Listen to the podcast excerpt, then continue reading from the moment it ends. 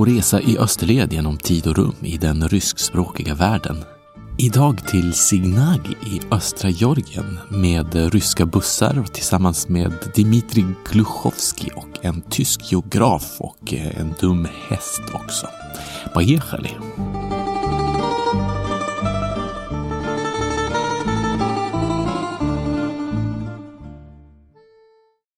Moskvas tunnelbanor bor kvarlevorna av mänskligheten.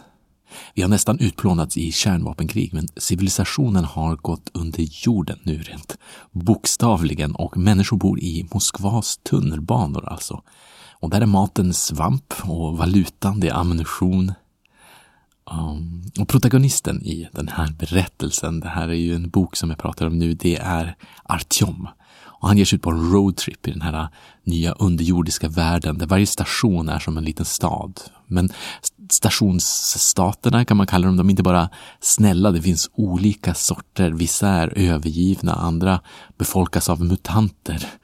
Äh, och 1900-talets ideologier, de har återuppstått i underjorden här och längs den röda linjen så är det nykommunister till exempel och fascister i fjärde riket och längs cirkellinjen finns det Hansan som har byggt någon form av välstånd genom handel och där lär det finnas elektricitet och all möjlig lyx. Men i andra tunnlar så lurar som sagt mutanter och allehanda monster och uppe på ytan, den strålskadade ytan, där är det gått helt käpprätt. Kring biblioteka så har bibliotekarierna muterat till någonting helt onämnbart. Förutom eh, älskade Alexievich som jag pratat om i flera avsnitt nu så pratar jag väldigt lite om samtida rysk litteratur här egentligen. Metro 2033 heter i alla fall den här egentligen kultromanen, alltså det har ju blivit det. Um, det är en sci-fi roman som först var en uh, internetbaserad liksom e-bok men sen har kommit i tryck och efteråt fått både uppföljare och tv-spel faktiskt. Ett ukrainskt spelbolag har gjort ett tv-spel av den här berättelsen.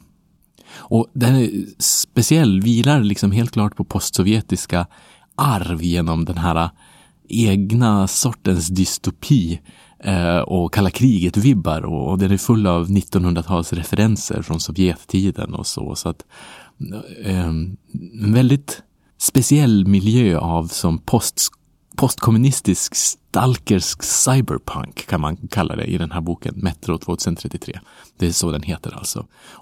Och Gluchowski heter han själv, han som har författat den här boken. Eh, också lite av en kultfigur i ryska sci-fi-kretsar. Så mycket nöje till de som känner att det är läge att läsa lite rysk eh, samtida eh, kultdystopi med mutantmonster i.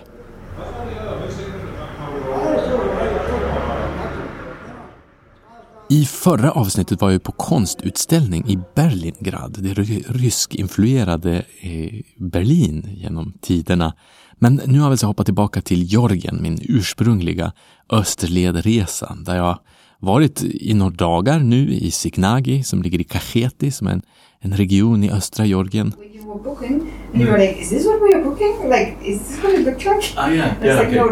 Och här har jag nytt resesällskap. Jag reser med en tysk kulturgeograf. You have the other towel. The small towel. No, that's big one. Ah. Hon är själv Georgien-veteran och, och, vi träffades i Tbilisi och, och har tagit oss österut i Georgien till ett ställe som heter Signagi, alltså som ligger på kullar. Det är som en liten stad som ligger på, på kullar med utsikt över slätter och, och sen de här enorma bergen långt, långt eh, i bakgrunden i norr. Det är en väldigt vacker plats. Eh, här i Signagi är jag inte jättelångt från Tel Aviv och Alaverdi som jag reste till med belgarna för några avsnitt sedan när vi var ute och fotvandrade mellan kloster där på slätten. Men nu har alltså belgarna blivit utbytta mot nytt resesällskap. Hello. Maria heter alltså hon som jag reser med nu. Hon är geograf. I Sverige så kallas det kulturgeografi, det som hon har studerat. Och, och nu i talande stund här i 2021 så har hon precis disputerat, men där i Georgien så var vi fortfarande vilsna doktorander båda två. So I'm a totally enthusiastic PhD student of the social and economic sciences. Adorable. Don't miss out on my enthusiasm yeah. about academia and science and Hennes avhandling handlar roligt nog om just turism och resor till turistdestinationer utan kollektivtrafik. Eh, precis som Tina, min neurovetarkollega från förra avsnittet, så har Maria ju faktiskt bott i Sverige och pluggat där. Eh, men hon pluggade i Lund. Jag pratar lite svenska. Lite grann bara? Men, mm. ja... No, I have pretty much. Min tyska, som är hennes modersmål, är ganska rutten. Men, eh, men vi har franska och spanska gemensamt som vi kunnat prata på. Hon har rest länge i Latinamerika och så har hon gått i gymnasium i, i franskspråkiga Schweiz. Så um, det som är mitt vardagsspråk här i Belgien är också hennes eh, konversationsspråk. Men vi pratar alltid arbetsspråket i den akademiska världen, engelska med varandra. Så när ni hör henne här i podcasten så blir det på engelska. Och Maria är som sagt Georgien-veteran. Hon har rest i Georgien med sin kille innan och eh, innan det blev så turistigt egentligen som det är nu. Hon har precis som jag den här upplevelsen av att Georgien förändrats till det turistigare. Det var ju min upplevelse när jag kom över bergen från Ryssland att Georgien fullkomligt genomgått en metamorfos eh, och att det fanns nya hotell och ny turistinfrastruktur precis överallt. Men vissa saker förblir densamma. Ett starkt minne, både för mig och för henne från tidigare Kaukasusresor, är de traumatiska upplevelser som man får från marsrutkiförare och georgisk trafiksäkerhet i allmänhet som faktiskt säkert måste vara ganska förfärlig. How do you describe a marsrutka? What is it? It's a vehicle that brings you at a very, very increased speed okay. closer to the end of your life potentially. Jag har pratat om dem förut, här, men eh, det är ändå en institution i den postsovjetiska reseinfrastrukturen, de här marschrutki.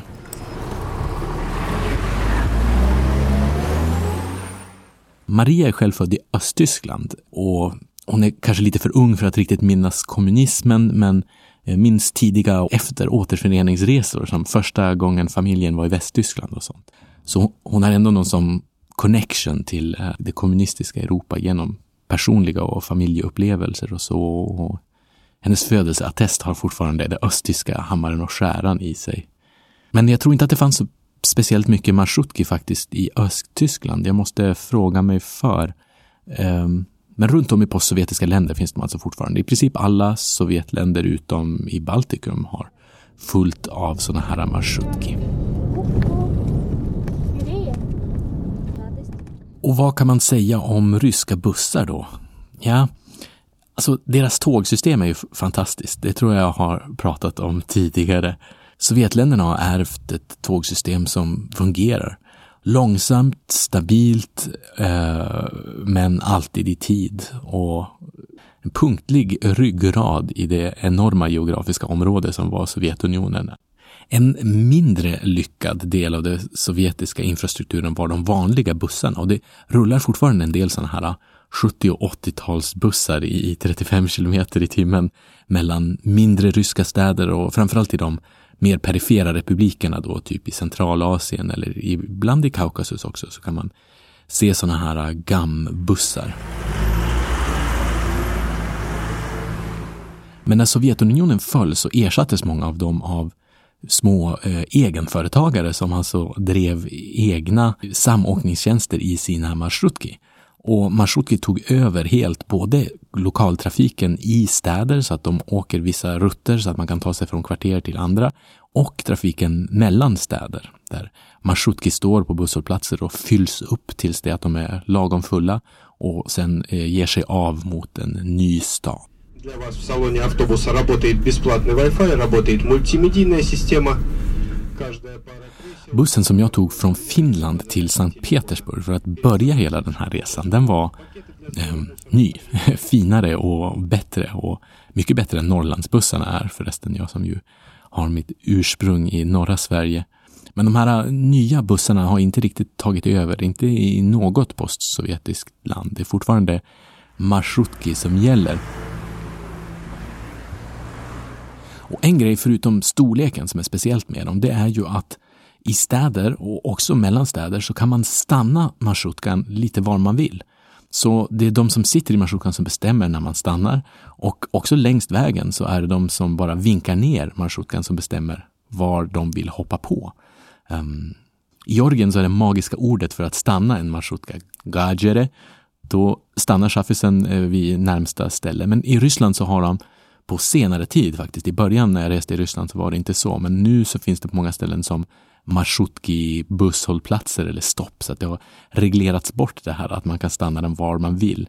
Då har de börjat likna bussar lite mer och då får man häva ur sig lite mer komplicerat sånt här när, när следующая, vad säger de? När следующая становка, пожалуйста, tror jag, är den, den ryska grejen. Gajere i Georgien, jag har glömt vad de andra eh, stopporden för marsrutka är i de olika länderna. Det borde jag göra en karta med.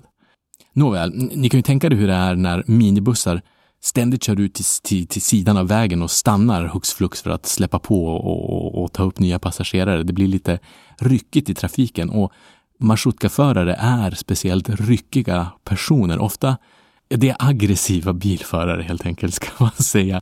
Eh, lugnt sagt. När jag och Maria reste runt så hade vi en sjukt otrevlig förare som gjorde helt självmordsbenägna omkörningar. Det här är en klassisk Marsrutka-berättelse. Eh, I 90 på smala bergsvägar och sen så sakta han ner okaraktäristiskt mycket, vilket sen visade sig bero på att han satt och sov typ. Han, han, hängde över och ögonen liksom slöt så då knuffade vi till honom.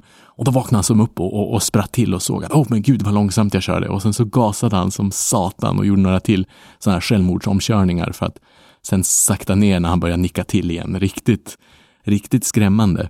Den värsta mardrömsberättelsen som jag har hört från överlevare som Maria var när hon reste med sin kille i Georgien och Armenien. I think my favorite Mushroom story might be the one where the guy was driving so crazily but like so fast and passing. Marias förare körde liksom om omkörarna själva långt ut i de mötande körfälten. Georgierna på marschrutkan hade börjat korsa sig och be böner och, och, och, ringa polisen. Som sen kom fram och stoppade honom och eh, bad honom skärpa sig. Vilket han tydligen gjorde, men eh, före så var det inte helt säkert att de skulle komma av levande. Because apparently some other people had called the police on us. Och alla passagerare var nöjda att få se polisen. Okay. And I have never been so relieved and happy to see the police actually in my life. Great. And, uh, they had like a... Och den som har backpackat i Marshutkaland har dels uh, suttit och, med rädsla för sitt eget liv, eh, inklämd bland uh, medpassagerare.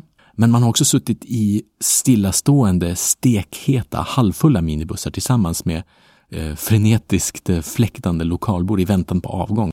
Annat resesällskap som jag har haft i Marsutki är en eh, liten pojke som blev gråtfärdig eh, åttaåring utskälld av chauffören eftersom att han ville transportera 20 liter bensin i en stinkande dunk mitt inne i, i Marshut. Det fick han till sist. Det tyckte inte jag var så bra. Det kändes jäkligt otrevligt. En gubbe med en höna i knät. Um, obeskrivligt fet tant med till synes lobotomerad hund som måste ha haft alltså verkligen några neurotiska problem. När jag var i Kaukasus 2004 så hände det flera gånger att folk bara hoppade in och överlämnade sina alltid lika nöjda småbarn till medpassagerare. Eh, så man fick en bebis i knät liksom, medan folk eh, stuvade in sina kassar i marschrutkan. Den mest legendariska marschutka medpassageraren som jag haft var eh, ändå femåriga Nelly. Nelly hade bott i Ukraina och hon hade gått på dagis där och lärt sig lite ryska, eller ganska bra ryska, bättre än någon annan bland utlänningarna i den här marschrutkan. Och hon pratade själv engelska med sina föräldrar och var väldigt pratsam och mycket trevligt resesällskap när vi var i östra Turkiet där hon såg kor ute på slätten och förklarade att hon minsann inte var rädd för kor. Hon var fem år och lite för kort för fönstret och hon bara Oh, do you remember when I was little and I was afraid of cows? Med henne åkte jag över gränsen till Georgien, alltså mellan Ardahan och Achalstiche heter det. Och där var det klassisk sovjetisk eh, gränsövergång som de som Vysotskij sjunger av. Eh, barska gränsvakter med bister uppsyn och höga fåniga hattar. Som eh, människor som förmodligen aldrig lett ett leende i hela sitt liv. Men Nelly, hon var för kort för att nå upp till den här passdisken där man skulle lämna över passet till, men hon var ju dock den enda som riktigt kunde prata ryska.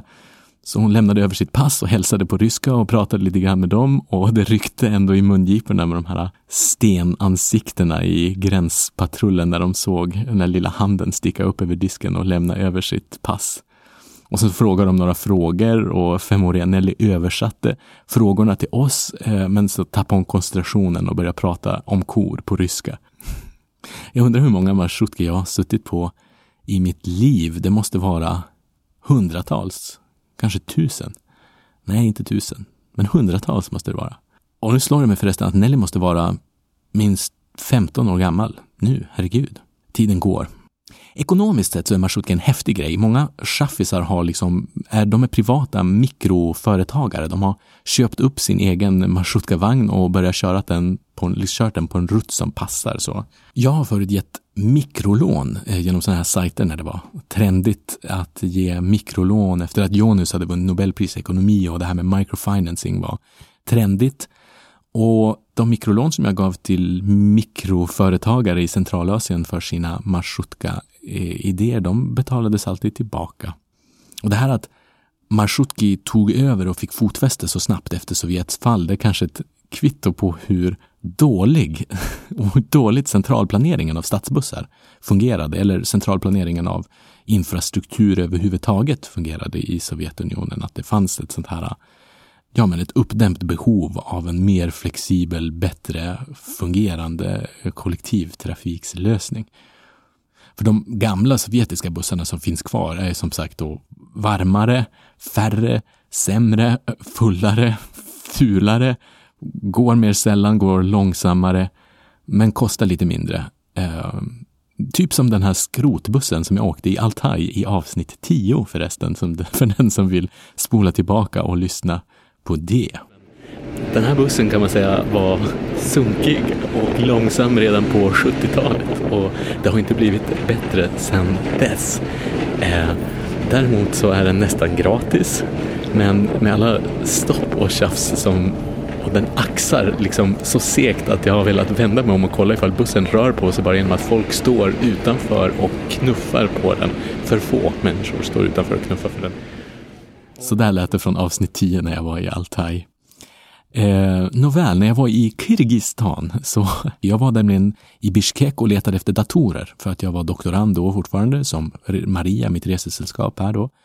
Och eh, jag var tvungen att skicka in en, en konferensansökan innan det var deadline, men jag var ju fortfarande på centralasiatisk semester så jag hittade en student på amerikanska universitetet i Bishkek som hjälpte mig att sitta där och eh, och skriva och göra lite modeller. Och sen så tillbringade vi en, en dag tillsammans, en ledig dag och letade efter babykläder eftersom att min eh, brors barn var i behov av babykläder med coola kirgisiska loggor på sig.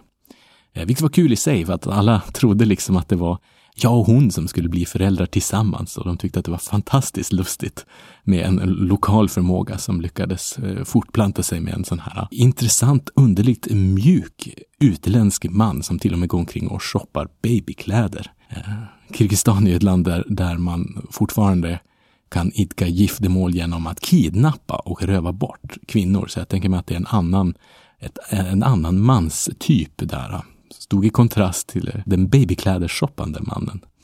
I vilket fall så var hon ekonomistudent, den här kirgisiskan, och hon hade snickrat ihop ett startupföretag med en genial app för att navigera med Mashutki i Bishkek. För att systemet är liksom för fragmenterat för att man skulle kunna göra så. Men då hade hennes app istället gjort det. Hon hade kartlagt alla rutter och så kunde man använda hennes app för att navigera från en plats till en annan. Då föreslog appen liksom vilka marshutki som man skulle använda sig av för att komma dit man ville. Och i gengäld så blev man då trakasserad med reklam från affärer längst ens marshutki-rutter och, och då tog hennes app procent på dem. Genial idé. Hoppas det gick bra för hennes app think it's quicker through there. Tillbaka nu till vårt utomordentliga boende i Signagi. Världens snällaste man, vår eh, husvärd, ställde fram vin och vattenmelon till oss på verandan när vi kom hem.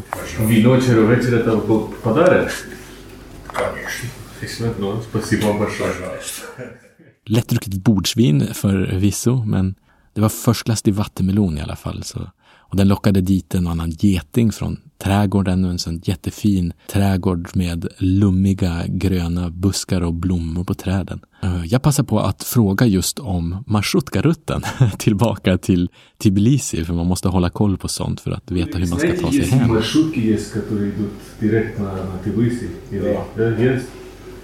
Четыре часа. Сейчас сколько время? Два. Да. Четыре и потом шесть.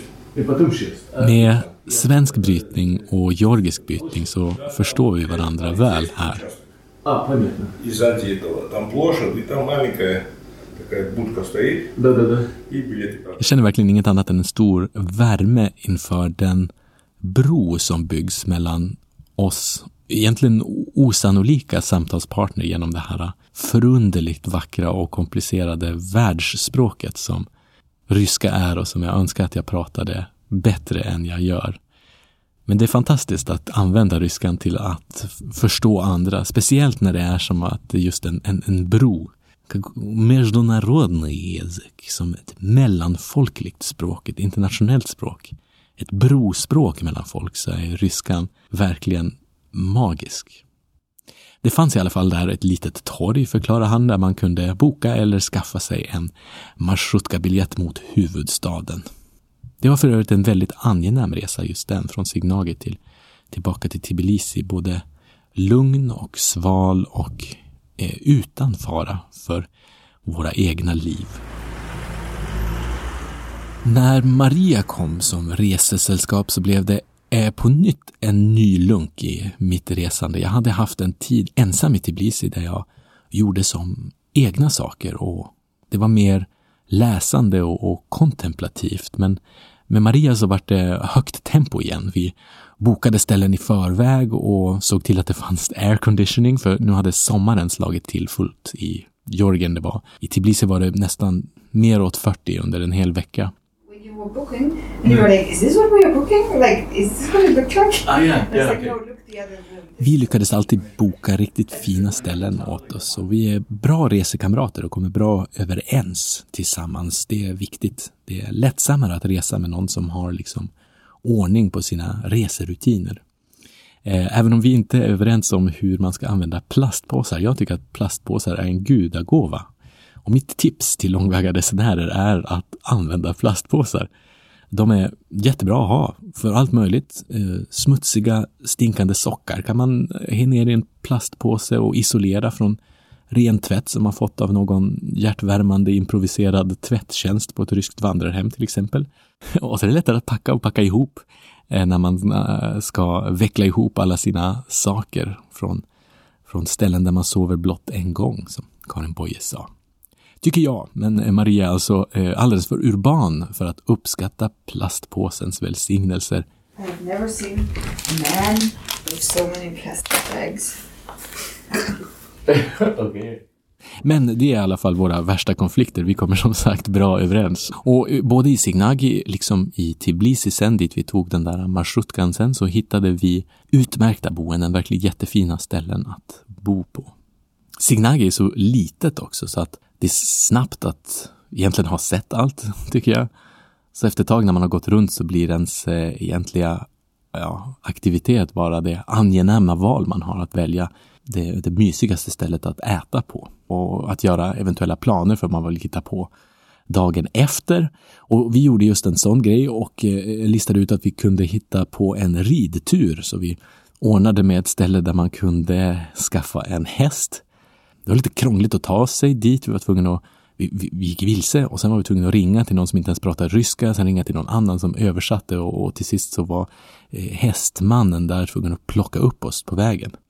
Men han var mycket skicklig, även om hans hästar var ganska slöa. Eh, men inte alltigenom, för de var nog illsinta, otrevliga hästar. Marias häst var lömsk och gick lite, precis som hon ville, med flit liksom in i taggiga buskage så att hon skulle göra illa sig på grenar och satskap som var längs vägen. Så vi gjorde en lång tur runt om Signagi genom skogar och fält. Eh, och efter bara någon halvtimme så blödde hon från alla rispor och sår som hon fått på törnen från, på benen. Eh, men tog det med jämnmod. Maria surar aldrig, så hon var ett bra resesällskap i, i den bemärkelsen också. Sen bytte vi häst, eh, jag och hon, eh, och, jag kan bekräfta att det var en speciellt elak häst det där. Tyvärr var det ingen mikrofon som var med just på den där ridturen, så vi hade men vi hade väldigt få att överleva hur som helst, så jag hade inte kunnat spela in någonting. Maria har gått och plåstrat om sina ben här. Jag har också en del rispsår, alltså mm, skrapsår från de här buskarna. Och i ansiktet från något träd. Eh, vi ser helt enkelt lite slitna ut men eh, jag har som alltid jeans på mig. Eh, så jag klarade benen relativt bättre. Men det var jäkligt lömska hästar alltså. Just det, jag har ju faktiskt alltid jeans på mig. Det låter kanske konstigt där när det var 35 grader, men Eh, så är det. Jag reser alltid i jeans. Jag går förresten alltid runt i jeans. Jag har mina egna konservativa idéer kring det där. Det har blivit så lite grann att jag gillar att klä mig för att minimera kontrasten mellan mig och min omgivning och Jorger har helt enkelt inte kortbyxor. Så därav jeansen. Det kanske blev så i Iran när jag reste i Iran där, där folk aldrig har kortbyxor. Långa byxor är alltid mer parant och jag har ju jeansnära fotvandrare också. Det tyckte belgarna var sjukt. Jag tycker Maria är sjukt också. Jag kanske är lite skruvat ändå. Kazakiska bergstyper fick torka mina jeans efter att jag kommit fram till en bergssjö eh, efter en fotvandring i Kazakstan där det hade störtregnat. Och de tycker i alla fall att jag hade granna jeans. Kharoshi jeansi, sa de. Ehm, men de lyckades aldrig torka dem riktigt. Jag minns att jag sov liksom blöt i det där tältet. Och de kanske gjorde narr av mig förresten. Eh, de var inte beundrande utan lika frågande inför mitt jeansval som andra fotvandrare var. Inte för att de hade speciellt mycket bättre byxmode, för en av de där kasakerna ställde sig helt enkelt eh, utan byxor och skodde om en av sina hästar eh, för hand iförd enbart eh, militärkalsonger, eller kalsonger i så här eh, kamouflagefärger. Det är också en, en syn att minnas. En afton att minnas eh, överhuvudtaget. Vi, eh, medan jeansen inte torkade där över elden så söp vi sprit och pratade om Janis Joplin uppe vid en bergssjö. Kazakstan är jäkligt rock'n'roll, trots allt. Ett häftigt ställe det också. Det var ett lite lättsammare avsnitt den här gången. Lite mindre på djupet. Ehm, vi ska se hur det blir framöver. Eh, efter här eh, vi kom tillbaka från Signagi så reste jag och Maria eh, tillsammans med två bonussvenskar, ska jag säga. Så det, det, blir strax svenskt resesällskap här också i Jorgen. Det var två polare till mig från Umeå som jag hade eh, övertalat, nej, som frivilligt kom till Tbilisi och gjorde oss sällskap. Det är riktigt hyvens och kul typer så det blir roliga avsnitt från det. Jag ska säga kort också att om man känner att man vill stödja podcasten och mitt arbete för att hålla den online eftersom jag betalar mina serverkostnader själv så kan man swisha mig en slant. Då skickar jag ett postsovjetiskt stödvykort som tack till den som vill det. Man kan kolla på podcastens hemsida österled.nu med O Osterled under stödvykort ifall man vill kolla hur det fungerar eller bara kolla in bilder eller läslista från podcasten. Eh, jag har bilder för varje avsnitt. Om man vill se hur en marsrutka ser ut till exempel. Eh, eller bara hitta ISBN-numret på Metro 2033 om man vill läsa om sådana här bibliotekarie mutantmonster i Bibliotekalenierna. Det kan ju också vara en behållning i sig. Jag eh, hankar mig fram i podcastproduktionen, alltså jag försöker att få ut avsnitt så fort jag kan, men eh, jag förstår eh, er som är otåliga. Jag gör mitt bästa. Eh, och det ska jag göra tills nästa gång. Håll er friska tills dess. Stanna hemma och eh, läs något ryskt så hörs vi strax. Пока!